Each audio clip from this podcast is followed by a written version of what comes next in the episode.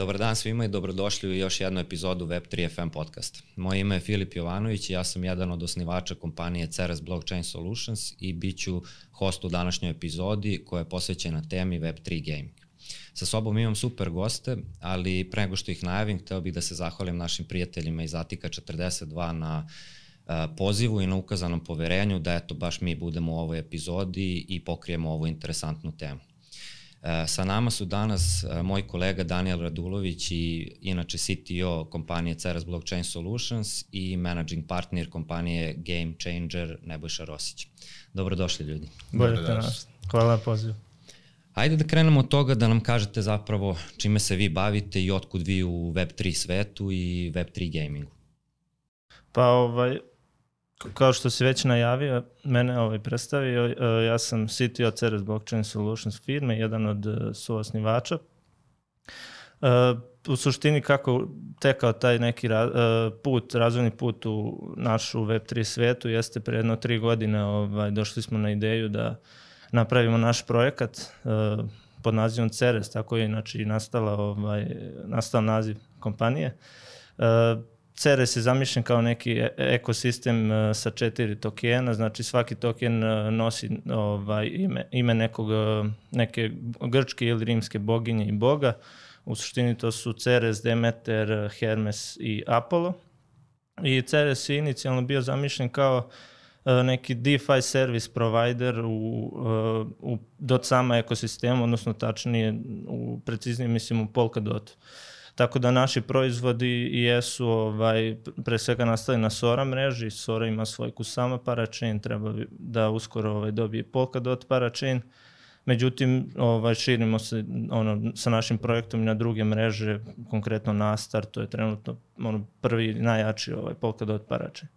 Tako da kako ovaj, smo došli do Web3 gaminga, uh, u suštini o, sa Ceresom smo izbacili neke ono DeFi stvari poput liquidity lockera, token lockera, uh, launchpada, onda sa Demeterom je došao i farming i pošto je baš zbog tog farminga Demeter je imao pre svega uh, inflatoran karakter i trebano, trebalo nam je nešto što će malo da smanji ovaj, tu inflaciju, tako da razmišljali smo šta bi bila ona najinteresantnija, najbolja ideja i u svom tom ono, Web3 gaming hype-u koji je tada ovaj, bio, odlučili smo da napravimo neku malu igricu koja će imati, ovaj, da, da će neki dodatan uh, utility Demeter tokenu, tako da će dobiti taj de, deflatoran moment. U suštini onda smo ovaj, napravili prvu uh, play to igru na, na Sora mreži, uh, Deo Arenu. Uh, to je inače ono, je bila jedna od prvih igara uopšte u tom nekom Polkadot ovaj, ekosistemu. Deo Arenu smo ono zamisli kao jednostavnu 2D ovaj, igricu u brauzeru. E, znači, dva igrača ulaze u arenu, svako sa ovaj, određenim brojem e, Demeter tokena, tako da na kraju, da, inače, mislim, oni dobijaju neka oružja kada se sponuju u areni, ono random oružje, pošto ima više tipova, i cilj je ono u roku od dva minuta ono, eliminisati protivnika, naravno tu ovo, ima i shrink mape gde se mapa ono, smanjuje poslednjih 30 sekundi da ne bi bilo dugovlačenje i tako dalje. I na kraju ovaj, većina tokena ide uh, pobedniku partije, dok se jedan deo brnuje i u suštini ovaj, na, taj, na taj način znači, spaljuju se demeta tokeni i napravili smo neku ono kontratežu ovaj, inflacije. E, tako da to je bio naš ono, prvi korak uh, u Web3 gaming uh, svetu. Mi smo posle ovaj, bili po nekim konferencijama, događajima, konkretno na jednom sajmu ovaj, predstavljali smo našu kompaniju gde smo ovaj, izložili kao deo arena, kao neku igricu koju ovaj, m, ono, publika može da proba da odigra, tu su naravno bili neke nagrade i, i praktično je ovaj, sve krenulo onda od toga. Znači, svi su ono, dolaze za naš stand, probali igricu, to je sve prošlo super i preko toga smo u suštini ovaj, dalje nastavili naš put u Web3 gamingu zato što su počeli neki ovaj, klijenti da nam se javljaju, da radimo neke igre za njih. Uh, I mi, mislim, mi nismo ono, inicijalno bili za to da se deklarišemo kao Web3 gaming firma, ali ovaj, sve ono krenulo u tom nekom pravcu, mada naravno mi dalje ovaj, razvijamo naš CRS projekat i pružamo inače ono, outsourcing i consulting usluge. Tako da to je taj neki put kako smo došli u Web3 i u Web3 gaming. Super. Nebojša? Nešto Od, meni, otkud, da? Otkud ti u, u Web3 svetu i pa da, zatim u Web3 gaming? Pa ajde da kažem da sam, moja priča je počela tako što sam kao mali krenuo da igram video igre i danas je jako čudno kada, kada se o gamingu priča o nečemu što je novo, o nečemu što je današnji hype, mislim ja kao, kao uh, dečak sam isto imao ovaj kompjuter i na njemu sam igrao video igre. Ne smijem da kažem u kom se modelu ovaj radi, jer bi to govorilo koliko, koliko sam staren. Ali ceo fenomen gaminga je meni od uvek bio interesantan. Faktički gaming postoji od kad čovek zna, zna za sebe. Uh, neki podaci govore da je gaming star 7000 godina ili je toliko star prvi, prvi predmet, to je prva igra koja se čuva u Londonu. Ovaj, tako da, da, da tražeći ovaj, inspiraciju za moj dalji put, poš, pošto me on odveo u medijsku industriju gde sam radio ovaj, kao, kao direktor i kao publisher izdanja kao što su El Cosmopolitan i tako dalje, znajući za krizu te industrije, tražio sam catch sa novom oblašću i onda je najlogičnije bilo da se vratim nečemu što je zaista prvom, pre svega moja prva ljubav. A, taj put me povezao sa mojim prijateljima koji su pokrenuli Gamescom, tako da sam ja pre svega postao strateški partner Gamescona, koji je bez daljnjeg najmasovniji mainstream događaj u oblasti gaminga, ne samo u Srbiji, nego u širem regionu. Sa 35.000 ljudi koliko je Gamescom opkupio prethodne godine, zaista ne postoji nijedan projekat koji može da mu konkuriše.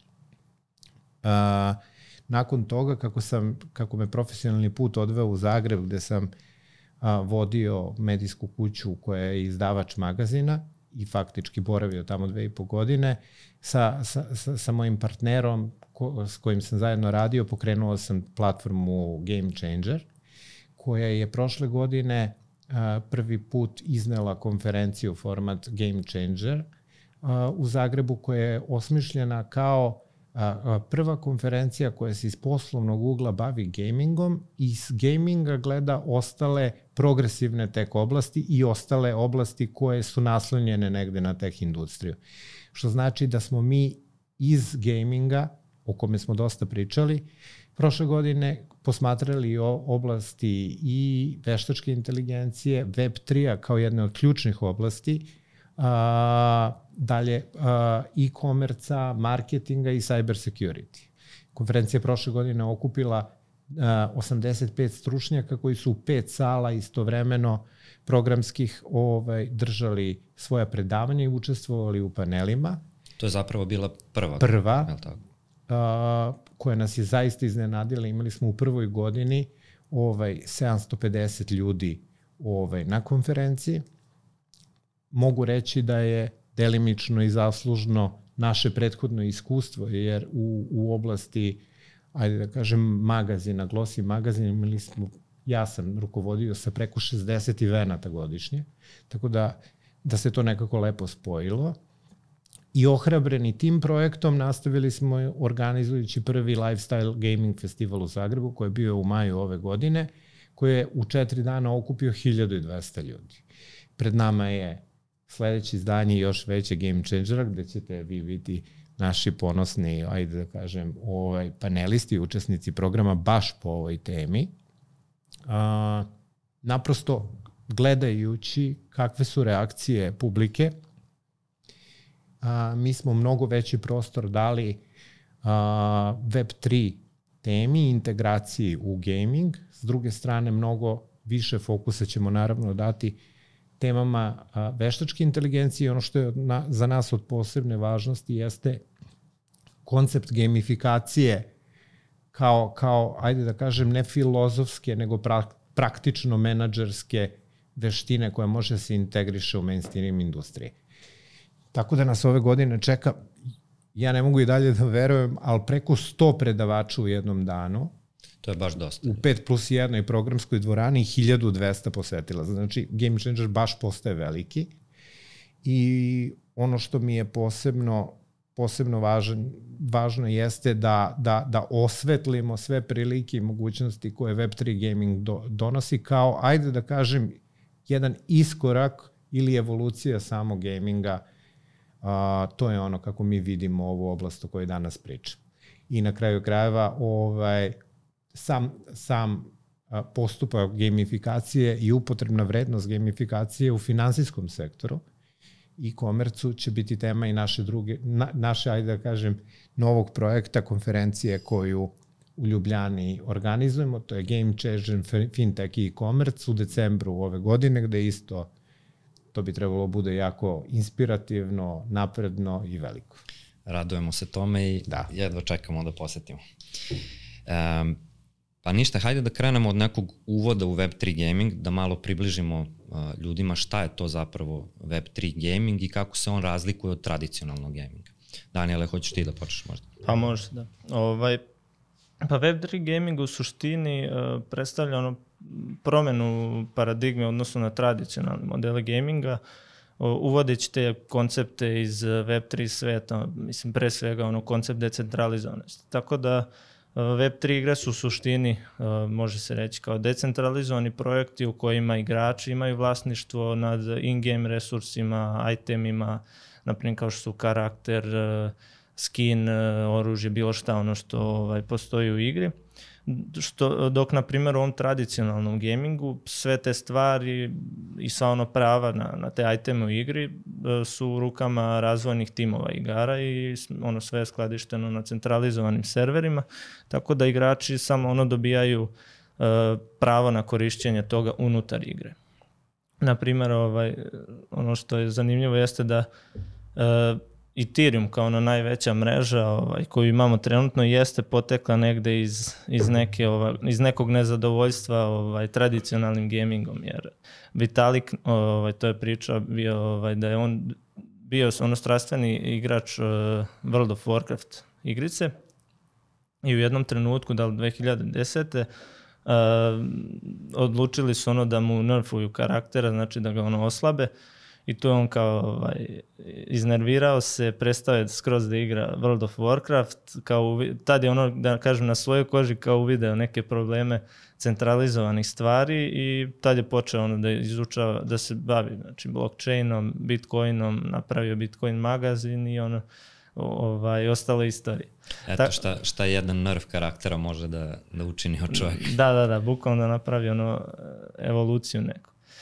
Tako da, ovaj, e, sad da, što se tiče Web3 igara, ono pretežno se fokusiraju na play to earn mehaniku, znači igre da bi za, igre i zaradi. Tako, koristeći NFT-eve, kriptovalute, uh, ono, te igre su bazirane na decentralizovanim mrežama poput Ethereuma, Poligona i tako dalje, gde te mreže znači, garantuju neko ono, verifikovano vlasništvo nad, nad tim itemima u, uh, u igri i u suštini te kriptovalute i NFT-evi su za nekog korisnika skladišteni u njegovom ovaj e, u njegovom kriptovoletu, kriptonovčaniku. I mislim kriptovolet ne služi samo ovaj za skladištenje takvih stvari, nego i za ovaj pruža neku alternativu uh, ono korisničkim nalozima iz tradicionalnog gaminga. Tako da tu se korisnici u suštini uh, re, ono loguju putem uh, svojih voleta. Tako da neki cilj eh, Web3 gaminga jeste da promeni ono, gaming industriju u tom smeru da će više moći, više ono, prava da dobiju igrači, eh, ne znam, redefinisat će taj neki ekonomski model gaminga i bukvalno će omogućiti veću saradnju između razvojnih timova igara i, i samih igrača.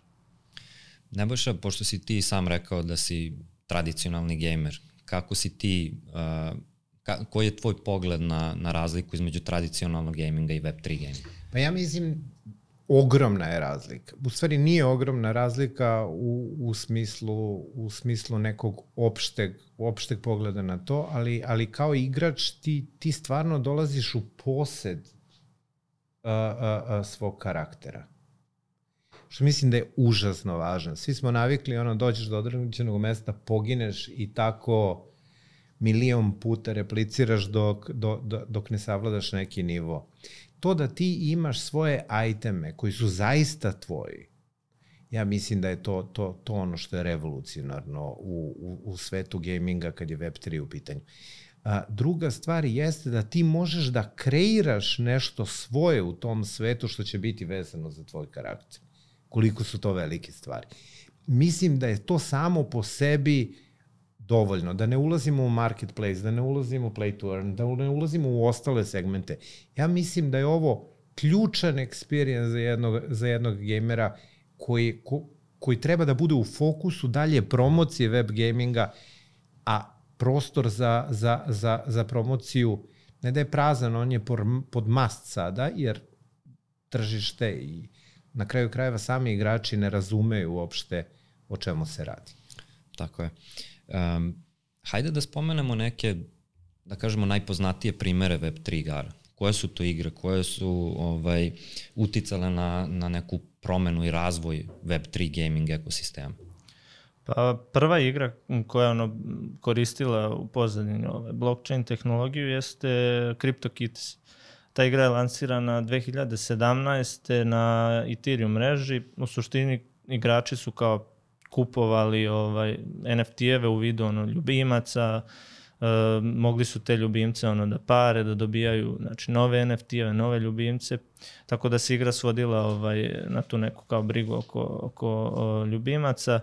I ono što je, možda sad zvuči onako previše, ali činjenica je da kad je igra izašla, 30% svih transakcija na Ethereum mreži su bile transakcije CryptoKitties igre. Znači, mislim, naravno, Ethereum je sad ovaj još porasto i što se svega tiče broja transakcija, ali ono, sama ta činjenica da i tad je trećina ovaj, svih transakcija bila ono, transakcije iz CryptoKitties igrice. I tad ja mislim bio i prvi neki ovaj pik uh, što se tiče ono uh, fijeva na, na mreži. Uh, tako da posle su ono nastale još dalje igre po ugledu na te, možda ono treba spomenuti najpopularniju u suštini Web3 igru, to je Axie Infinity. Uh, igra je ono doživela svoj, svoj pik ono, popularnosti u, tokom pandemije. U suštini igra se svodi na to da igrači kupuju te akcije, to su kao neka čudovišta koje imaju neke svoje ovaj, e, kartice, svaka kartica im donosi neki bonus za napad, za odbranu i tako dalje i ovaj sklapa se tim od tri akcija i ono sa tim timom se takmičite, borite protiv drugih uh, igrača i pobednici ono dobije neku nagradu u, u vidu tokena.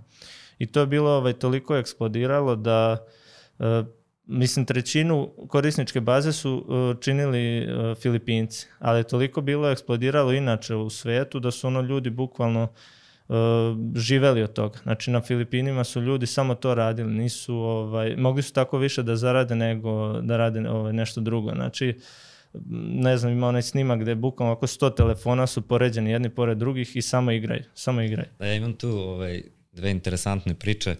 Ovaj, jedna je da, mislim, po, poznajem ljude koji su ono, sagradili kuće od, od te igrice da, ovaj, da. i, igrajući je. Ovaj, I sećam se, jednom sam dogovorio se sa prijateljem, hajde da se nađemo na pivu, da malo popričamo o marketu, o svemu. Tad je bio ono bull run, sve u piku. I mi sad dolazimo i on kao, e, kasni malo, naruči pivo. I kao, dobro, naručim ja pivo, on dođe i kaže, izvini, ali ja moram da idem. Sad u šoku, čoveče, sad si došao, kao, izvini, ali ja moram da idem kući da kliknem nešto za, na Axie Infinity kao otići će mi hiljadu dolara ako ne kliknem. Ja kažem, dobro, ja ću ova dva piva da popijem.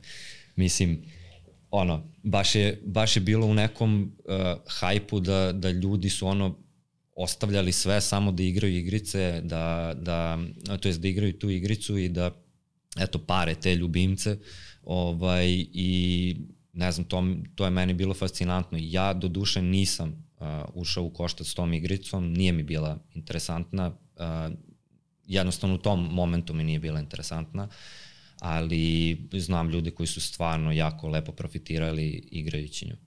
Da, pa da, ovaj, drugar ja smo isto ovaj, odlučili da, da, da uložimo u te akcije i da uđemo u tu priču. Međutim, ma, malo smo ovaj, promašili, to jest zakasnili na taj ceo hype, tako da na, na kraju nismo ovaj, baš profitirali, ono nismo izvukli ni, ni našu investiciju, ali dobro. Svakako mi te akcije još uvek imamo, pa igra ako ponovo zaživi, bit će dobro. Nebojša, da li si ti igrao Axie Infinity možda? Ne, ne, ne, ja sam, ja, ja sam više fenomenološki ovaj, Decentraland malo ovaj, isprobavao, Nis, ništa nisam zaradio. ovaj, ali, da kažem, to je, to je otvor, mislim, time bi prešli na, na, na sledeće pitanje, je li tako? Tako je, da, mislim, koje su to ključne karakteristike Web3 jer, jer su, mislim, to pitanje je u direktnoj vezi Tako sa... Tako je, mislim, spominjao si Play to Earn, da. NFT-eve, Marketplace. Sve to znamo, ali ja mislim da, da, da, da se otvara mnogo značajnije. Mislim, Marketplace, Play to Earn, su tehnologije, ajde da kažem, mogućnosti koje blockchain donosi. A, a, kako bih rekao, mno, mnogo više se tu vidi sinergije e, e, u kojima u, u vrlo skoroj budućnosti igrači i kreatori. Ja mislim da je to polje, a gde je tehnologija podrška toj kreaciji u smislu vlašništva nad rezultatom ovaj te kreacije. Pre mesec dana, oprostite ili manje od mesec dana, Svoš, Nike-eva ovaj, platforma je izbacila, integrisala se u, u Fortnite. To je veliki događaj. Gde da. ti možeš da kreiraš baš svoj Nike za Fortnite. Da. I da on bude u tvom vlasništvu. Wow! Da, to, toga ćemo se dotaći posle, imam baš ovaj, posebnu temu vezano za to. Da. Ovaj, ti znam da sigurno imaš mnoštvo primara. Da. Pa verovatno ovaj... ovaj će, žin samo da dodam, verovatno će u nekom trenutku to što napraviš, taj Nike, moći ćeš da ga dobiješ i u fizičkom obliku neke stvari već, već možeš već da možeš, da. da. Ove, ali, ali da, to je, to je zaista ono i marke, što je na kraju krajeva market, možeš i da ih prodaš, znači to je taj NFT marketplace, a Playturn postaje od ovih vaših hype primjera pa do, pa do youtubera ovaj, koji su, ajde da kažem sada, prapočetak Playturna u svetu gaminga, ovaj, nekako svaka, i uz rast i sporta kao segmenta i, i značaja i sporta, dakle, cela ta oblast postaje oblast od koje, koja nije ekskluzivno vezana za gaming development kao mogućnost izvora prihoda u svetu gaminga ili da kažem nekih, nekih ovaj, tehnoloških ovaj, resursa koji su potrebni za igru. Tako da rađa se novo indust, novo tržište vrlo čudnog rada, ja bi to rekao. Pa Web3, ono, hype oko Web3 gaminga i NFT-ova jeste prošao pre možda dve, dve godine. Ali ono što je činjenica to je da je, mislim, celo to tržište još u ranoj fazi. Tako da tek će biti, ovaj, tek treba da doživi neki svoj pik u narednim godinama I, o, I mislim da su sve ove igre i ovo što je spomenuo Nebojša, sve to tek ovaj, postavlja neke temelje i osnove za, za dalji razvoj Web3 gaming. Da, ja bih dodao da se malo i tradicionalni gaming opire svemu tome, jer njima odgovara ovaj sistem. I ja ih potpuno razumem, ali mislim da je neminovno da će se u jednom trenutku ovaj, preći zapravo na, na Web3 gaming i da će to postati neki standard. Ja, ja, ja sam siguran da će se Web3 integrisati u, u, u da kažem, neki klasičan gaming koji poznajemo, zato što koliko god da, da, da se ta industrija opire, Web3 donosi nove mogućnosti, da kažem onda na kraju, izvore prihoda ovaj, gaming publisherima. I mislim da taj trenutak će doći. Samo je jako bitno, taj hype je jako pomogao i dobro je što to sad nije hype, nego je tema o kojoj se ozbiljno priča, ne kao incident tehnološki. Da, da. Ajde tako da kažem. Ovaj, tako da, da, da gaming, Web3 gaming postaje apsolutno realnost tehnološka na koju se računa i ja mislim da je to jako važno. Slažem se. Ništa, hajde da popričamo o uticaju Web3-a na, na samo iskustvo igrača. Ovaj, kako to igrač dobija uh, ili kako se uh, kako Web3 omogućuje vlasništvo nad asetima u samoj igri? pa u suštini to se postiže kroz ono par nekih koncepa, koncepata poput NFT-eva, pametnih ugovora, same ono prirode ovaj, blockchaina i Web3-a. Uh, znači, da krenemo eto, od NFT-eva, to su uh, non-fungible tokens, znači u suštini uh, nedeljivi tokeni koji su jedinstveni, nezamenjivi i svaki ovaj igrač može da posjeduje taj NFT, znači on direktno kada u svom voletu ima ovaj taj NFT, to je taj njegov neki in-game item i to pripada samo njemu, znači pravo na korišćenje toga ima samo onaj koji ovaj ima pristup eh, tom voletu. E, tu isto ono e, se koriste ovo, naravno pametni ugovori za, za bilo kakvu logiku, za bilo kakve transakcije i akcije i unutar igre i van igre. Unutar igre, na primjer, evo što smo spomenuli, ovaj, to neko, ne znam, parenje akcija, e, opet ta neka logika kako će da nastane novi aksi, treba da se izmintuje na blockchainu, sve to ovaj regulisano kroz pametne ugovore ali takođe e, pametni ugovori služe za neke akcije i van igre. Jer često NFT marketplace, koja je ono jedna od ključnih e, stvari svake Web3 igre, je se nalazi van igre i opet sve te e, su tu neku logiku na NFT marketplace-u oko prodaje, kupovine NFT-eva, prenos vlasništva, sve je regulisano ovaj, kodom u pametnim ugovorima. I samim tim što ono igre koriste te decentralizovane mreže, znači vlasništvo je skroz svih tih stvari unutar igre pomereno skroz sa, sa razvojnog tima i, i igre ovaj na, na igrače. I ono, jedna od bitnih stvari jeste i ta ovaj, osobina blockchain tehnologije, ta neka transparentnost, gde opet svako može da uh, pogleda sve transakcije na mreži, može da utvrdi tačno vlasništvo nekog NFT-a i, i tu autentičnost ovaj, tog NFT-a. Spomenuli smo više puta taj koncept play to earn.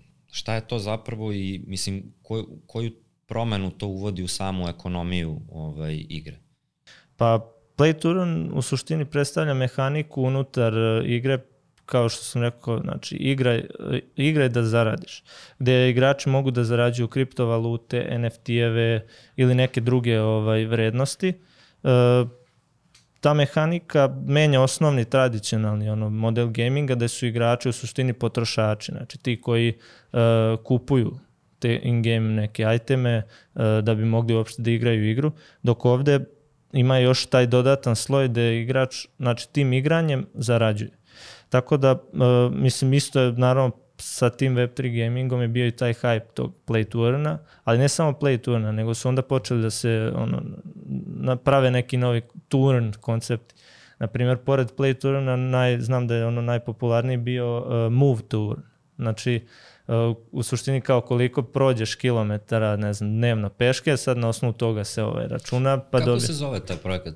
Step, ne? Stepn, ja mislim. Stepn. Da. Mislim, bilo je tu ono raznih, naravno, kad krene jedan ovaj projekat na neku, na neku temu, odmah krenu ovaj, još desetine projekata. E, tako da te neke promene koje Play Turn unosi uopšte u Web3 igre jeste ono da ima postoji neka razmena vrednosti, znači sada igrač kada ono igra igru, aktivno učestvuje u tome, on stvara neku vrednost, znači stvara ne znam, tokene, stvara NFT-eve. E, takođe to predstavlja dodatan izvor prihoda Znači, e, kao što smo spomenuli, na primjer, na Filipinima trećina e, igrača Axie Infinity bila sa Filipina gde su oni ovaj, e, igrajući tu igru verovatno zarađivali neko, neko je pored svog ono, standardnog posla imao i to kao dodatan prihod, a opet neki su samo to igrali i od toga živeli. I, i tu stvari tu ovaj, neku inkluzivnost, na primjer da u tim delovima sveta gde uh, gde nisu baš ono povoljne ekonomske prilike, opet imamo taj primer, daje ljudima ovaj, neku mogućnost da oblikuju svoju ovaj, ekonomsku situaciju. Ovim nekim tradicionalnim igrama, uh, ti da bi zarađivao moraš igrati na veoma visokom nivou, uh, moraš ići na turnire, moraš uh, ići na neka svetska prvenstva, dok ovde opet pruža bilo kome da bude ono konkurentan i, i da učestvuje u, u tom play turn konceptu. Takođe, ovaj, Playturn ono promoviše neki zajednički interes. Znači, igrači zajedno promovišu igru, zajedno, ovaj, jer zarada zavisi od uspeha igre. i naravno uspeha igrača, ali moraju zajedno da učestvuju na tome e, neki, da steknu neki veći posticaj ono, za aktivno učešće u igri. I na kraju krajeva to menja skroz pogled na igru. Znači igra više ne postaje samo način zabave, nego i način zarađivanja. I to ono može dodatno naravno da utiče na, na motivaciju i angažman igrača pogotovo na igrače koji su prosečni, koji pa to, mo, da. možda nisu profesionalni igrači koji mogu da zarade novac uh, putem turnira, kroz profesionalni ono e-sport. Tako da uh, moje, moje mišljenje je da je to jako dobar incentiv za ili ti podsticaj za, za prosečne igrače. Um, ajde, spomenuli smo te NFT-eve u Web3 gamingu. Hajmo, hajmo da pristupimo sa malo tehničkije strane. Uh, kako su oni integrisani u sam gameplay igrice? Pa, ovaj, kao što sam rekao, znači NFT uh, predstavlja bilo koji item u igri, može da predstavlja, znači i karaktera, i skin, uh, oružje, odeću, bilo šta. Ne mora to samo da bude ovaj, takva stvar. Može NFT da ti, na primjer, bude potreban samo jednom, kao neki ključ za neki čest i, i slično. Tako da na taj način su ti NFT-evi ono integrisani u gameplay, a opet svaki od tih NFT-eva se na, uh, imaju nekog svog vlasnika. Znači, uh, kada dobijem taj NFT ili kad ga ja izmintujem, on ovaj, se nalazi u mom voletu. Znači, uh, ja da imam taj NFT uh, i mogu koristiti u jednoj igri i u drugoj, ako je to naravno moguće. Tako da uh, takođe mogu te NFT-eve da ovaj, razmenjujem. Znači, svaka igra u suštini ima neki svoj marketplace, gde mogu ovaj, da kupujem, prodajem. E, čak neki ljudi ono, ne, uopšte ne igraju igru, nego samo iskoriste ovaj, taj moment NFT marketplace-a i bave se preprodajem, znači kupovina i prodaje. E, tako da tu isto stvara ono jednu dodatnu mogućnost. Ne, znači ne samo za igrače, nego i za one ljude koji žele to da opet s neke druge strane pristupe tome. E, često NFT-evi imaju mogućnost za ono evoluciju, napređivanje, ne znam, konkretno je to u Axie Infinity, ti si mora da vodiš računa kak, kakva su ta dva akcija koja imaš, koja hoćeš na primjer da pariš, kakav im je, ne znam, rep, rog i tako dalje i na osnovu toga opet da izračunaš taj neki novi, aksi, novi NFT koji će nastati, da li će biti, ne znam, bolji ili loši. I na kraju krajeva, kao što sam rekao, svaki NFT koji imaš možeš koristiti u jednoj i u drugoj i u trećoj igri, tako da tu NFT imaju tu karakteristiku interoperabilnosti, gde ovaj, sve igre koje podržavaju isti standard, znači taj NFT standard, u suštini podržavaju svaki tvoj NFT koji posjedaš. Ništa, popričali smo o tim uh, tehničkim aspektima. Hajde sada da pređemo na promociju ovaj, samih brendova i akviziciju korisnika. Verujem da je ovo uh, tema za Nebojšu i da je on uh, ekspert u tome. Tako da, Nebojša, kako brendovi mogu da koriste NFT-eve, tokene, digitalna dobra za um, samu interakciju sa korisnicima i izgradnju zajednice? Pa ja mislim, ja mislim da bi trebali da uozbiljimo generalnu temu a, ne prisustva brendova i svega u, u, u, u igrama. To je toliko postaje velika i značajna stvar u kom smislu da ozbiljimo da damo jedan dobar naziv svemu tome. I da se saglasimo da mi ispred sebe već danas imamo nešto što se zove in-gaming ekonomija. Bukvalno in-gaming ekonomija koja je da kažem, danas obuhvata od in-gaming oglašavanja pa do, kažem, marketplace. Toliko je to veliko i to će tek biti ogromno. A, kako brendovi mogu da, da, da iskoriste NFT? Pa ja mislim da je prva, prva sad stvar koja je onako još uvek malo i na filozofskom nivou, priča o tom metaverzumu i šta je u stvari metaverzum i ko će ga na kraju napraviti i koji će biti i kako će ti svetovi među sobom da, da funkcioniš. Vrlo sam blizu razmišljenja da će oni nas, nastaviti da žive baš samo na mestima gde su prirodno našli svoj teren, da ne možeš ti veštački da ih izgradiš, da dođeš i kažeš, ok, sad ću ja slupam ovoliko programerskih radnih milenijuma u kreiranje nečega iz nule, nego ja mislim da će metaverzumi nastati tamo gde je ta ideja i začeta, a to jesu upravo otvoren, igre otvorenog sveta. I mislim da glavna ekonomija će se, već se obrisi dešavaju i dešavaće se baš u igrama otvorenog sveta. Gde, gde su mogućnosti i uloga Web3-a ogromne. A, od kreiranja, da kažem, tih nekih in-gaming storova, interakcija sa publikom i tako dalje i tako dalje. Mislim da je upravo to poligon u kome će se odvijati ta, ta, ta velika revolucija. Da li nam možeš navesti neke uh, uspešne kompanije i kolaboracije u web, uh, Web3 gaming sferi? Pa, a, a moramo da gledamo i ove open world igre, bezmalo ne postoji, a to je vrlo proveriva stvar. Znači, ukucate bilo koji, ajde da kažem, veliki globalni brand, dodate Web3 i uradite search. Ja sam radio tu, ajde da kažemo da je to vežba. Potpuno je neverovatno koja količina najvećih multinacionalnih kompanija već prisutna. Sad je sad, tu samo je nalazimo se na jednom među koraku. Taj korak jeste faktički veliki izazov, a, a izazov je i za, i za Web3 gaming u igrama koje nisu deo otvorenog sveta, a to jeste a, masovna primena ili mainstream razumevanje Web3 tehnologije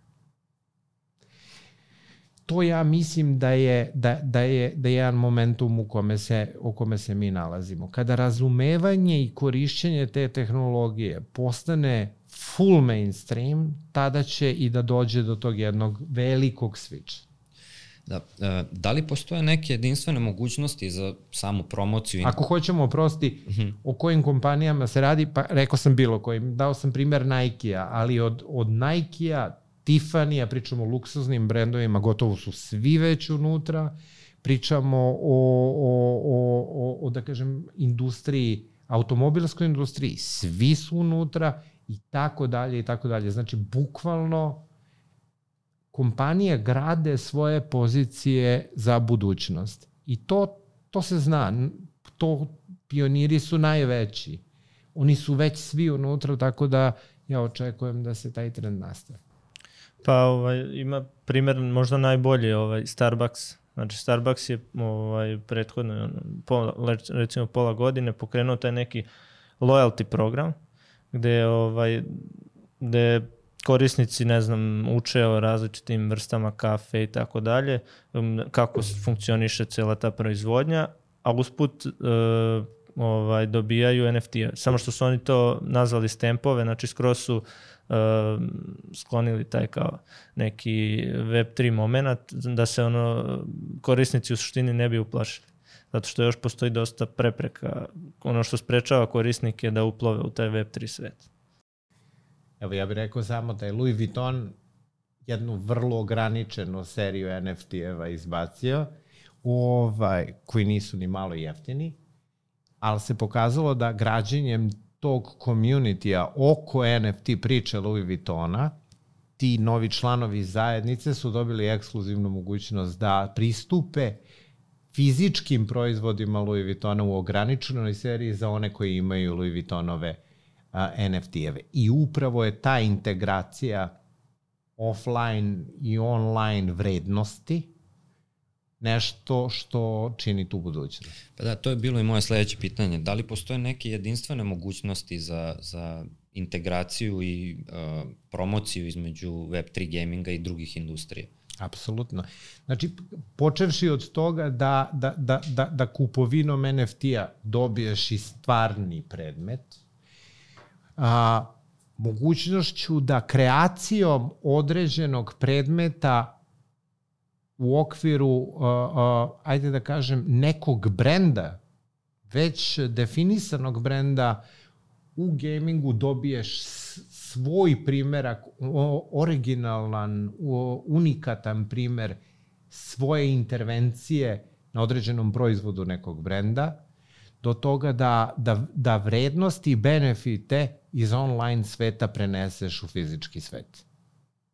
Prešli smo koje su to prednosti Web3 gaminga i dolazimo do, do ključnog pitanja. Uh, koja je budućnost Web3 gaminga i kako uh, i koje probleme rešiti da bi se postigla masovna adopcija, pošto se to i dalje nije desilo.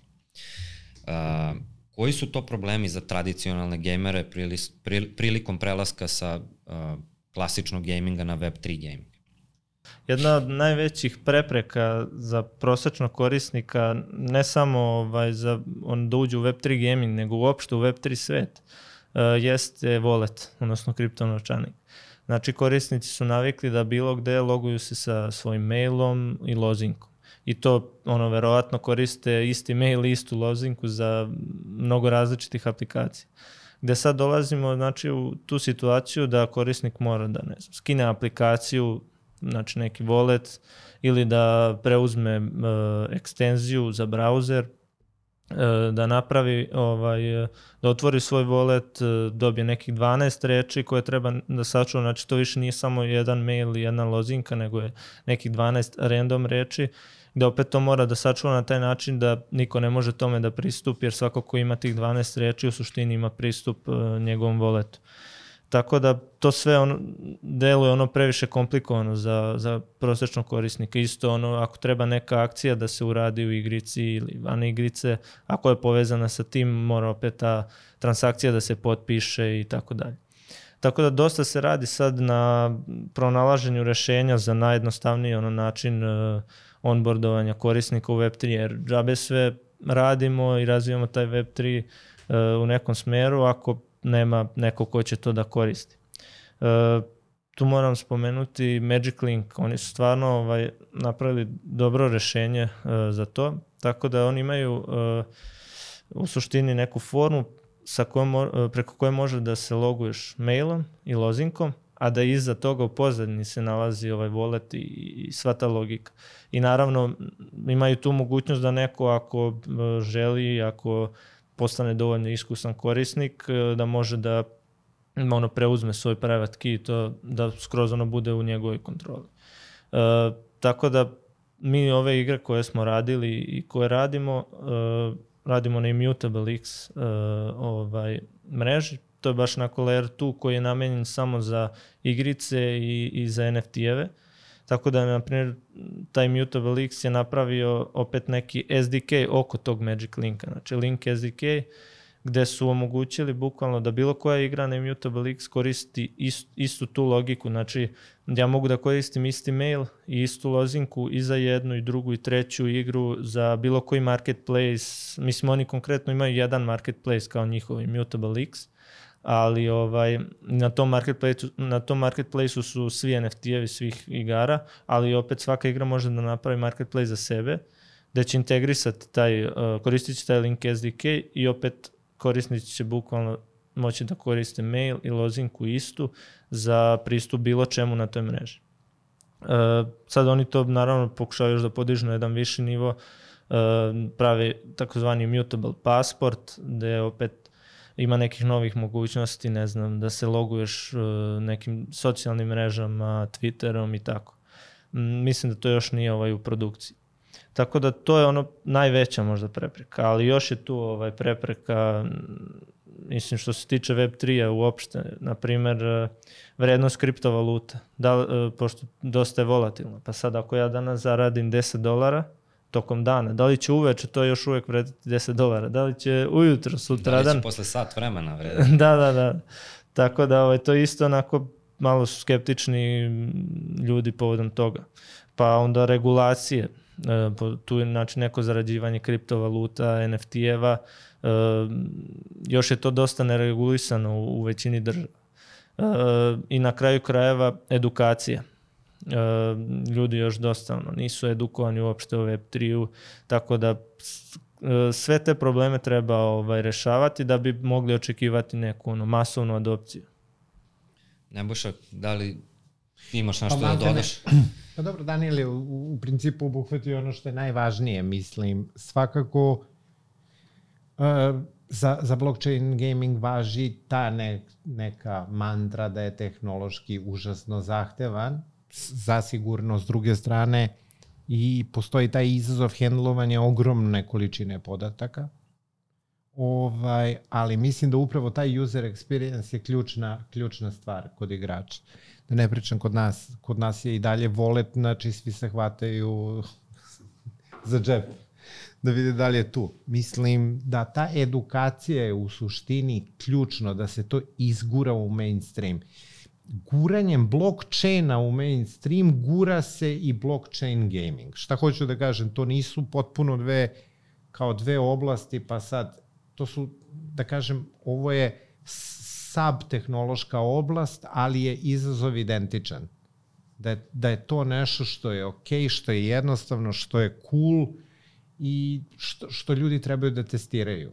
Bukvalno da uzmeš i testiraš nešto i onda doneseš svuda, da taj proizvod koji se testira već integriše neku jednostavnost.